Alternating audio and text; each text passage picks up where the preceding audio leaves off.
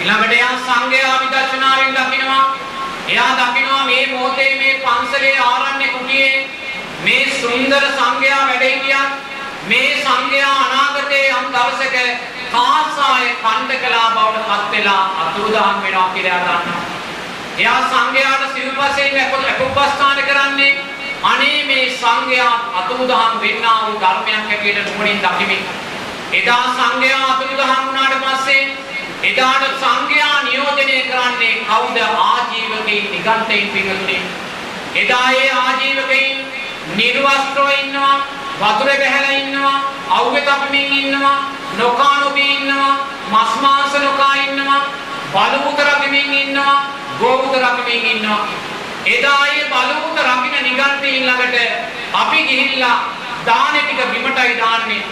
බිමට දැම්මට පස්සේ අර කුණු ගොඩේ තියෙන වැලි ගොඩේ තියෙන පට්ටික මේ බලමුත රකින්න නිගන්ත ශ්‍රාවකයා දිවෙන් තමයි අප්ලම් කන්නේ පින්නතුනේ එහෙනම් සංඝයා කියන තැන අතුරුදහන් වෙලා අනාගතේ එතෙන්ට යනවා.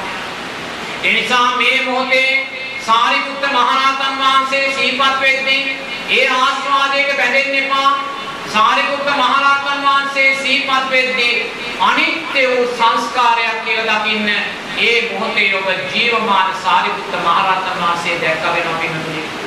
ඒ නිසා නිරේතුරුවම සංඝයා කෙරෙහි ආස්වාදයෙන් ගන්න එපා. සංඝයා මමත්වයේ දැඩිභාවයෙන් ගන්න එපා. මොකද සමහර පින්වතුන්ලා සංඝයා මමත්වයේ දැඩිභාවයෙන් ගන්නවා. මේ අපේ හාමුදුරුවෝ මේ මගේ හාමුදුරුවෝ මේ හාමුදුරුවෝ විතරයි සිල්වත් මේ හාමුදුරුවෝ විතරයි ගුණවත් මේ හාමුදුරුවෝ තුල මගේ ආත්මය තියෙනවා ඒ ආත්මය තුල මම බැසගෙන ඉන්නවා මෙහෙම අරගෙන පින්වතුනි මහා සංඝයා නිසා බලවත් අකුසල් සිද්ධ කරගන්න මේ අනිත්‍ය වූ සංඝයා කවදා හරි අපවත් වෙන සංඝයා නිස්සාම පිංගතුනි මමත්වේ දැඩිභාවයෙන් අරගෙන බලවත් අකුසල් කරා යනවා. මේ සංඝයා විදර්ශනා නුවණින් දකින්නේ නැහැ. සංඝයා කියන අර්ථය අනිත්‍යයි කියලා දකින්නේ නැහැ. සාරිපුත්ත මහරහතන් වහන්සේ අනිත්‍ය වුණා නම් මේ මොහොතේ මේ වැඩ සිටින සංඝයා අනිත්‍යයි කියලා දැකලා සංඝයා තුලින් විදර්ශනා නුවණ ඇති කරගන්න නෙමෙයි උත්සාහ ගන්නෙ. සංඝයා තුලින් සක්කාය දිට්ඨිය මමත්වේ දැඩිභාවය ඇති කරගන්නවා. සංඝයා මගේ කරගන්නවා සංඝයා කුටි කරගන්නවා සංඝයා අයිති කරගන්නවා. ඒ නිසාම සංඝයාව බලවත් පීඩාවන්ටපත් කරනවා. ඒ පීඩාවන් නිසාම බලවත් අකුසල් සිද්ධ කරගන්නවා.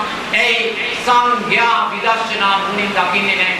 ඇයි විදර්ශනා නුවණින් දකින්නේ නැත්තේ? ඊට අදාළ සම්මා සමාධියක් නැහැ මේකනේ ඊට අදාළ සම්මා සමාධියක් නැත්තේ ඇයි ඊට අදාළ සම්මා සතියක් නැහැ ඊට අදාළ සම්මා සතියක් නැත්තේ ඇයි ඊට අදාළ සම්මා වායාමයක් නැහැ. ඊට අදාළ සම්මා වායාමයක් නැත්තේ ඇයි? ඊට අදාළ සීලයක් නැහැ. ඊට අදාළ සීලයක් නැත්තේ ඇයි? ඊට අදාළ සම්මා සංකප්පයක් නැහැ. ඊට අදාළ සම්මා සංකප්පයක් නැත්තේ ඇයි? ඊට අදාළ සම්මා දිට්ඨියක් නැහැ පිටුතුනි. එහෙනම් මේ අනුවණකම් ජීවිතයෙන් බැහැර කරන්න. මේ සුන්දර ශාසනයක් ලැබිලා තියෙනවා. මේ සුන්දර ධර්මයක් ඇහෙනවා. මේ සුන්දර ආර්ය ශ්‍රාවකයන් වැඩ ඉන්නවා. ඒ නිසා නැවත අතීතේ කළා වූ දුර්වලකම් සිද්ධ කරන්න එපා. අන්න පින්වතුනි දැන් ධර්ම රත්නය සංඝ රත්නය බුද්ධ රත්නය ධර්ම රත්නය සංඝ රත්නය තුලින් දැන් ඔබ මොකද කළේ? ප්‍රඥාව මොදු කරගත්තා. දැන් මුලින් අපි මොකද කළේ? වින කුසලයේ ශක්තිමත් කරගත්තා.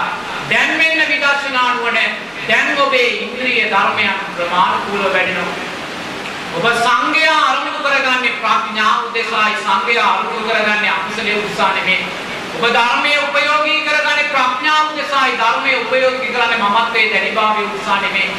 බුදුරජාණන් වහන්සේ උපයෝගී කරගන්නේ නිරේතුරුව ප්‍රඥාව උදෙසායි අන්න පින්වතුනි ඉන්ද්‍රිය ධර්මයන්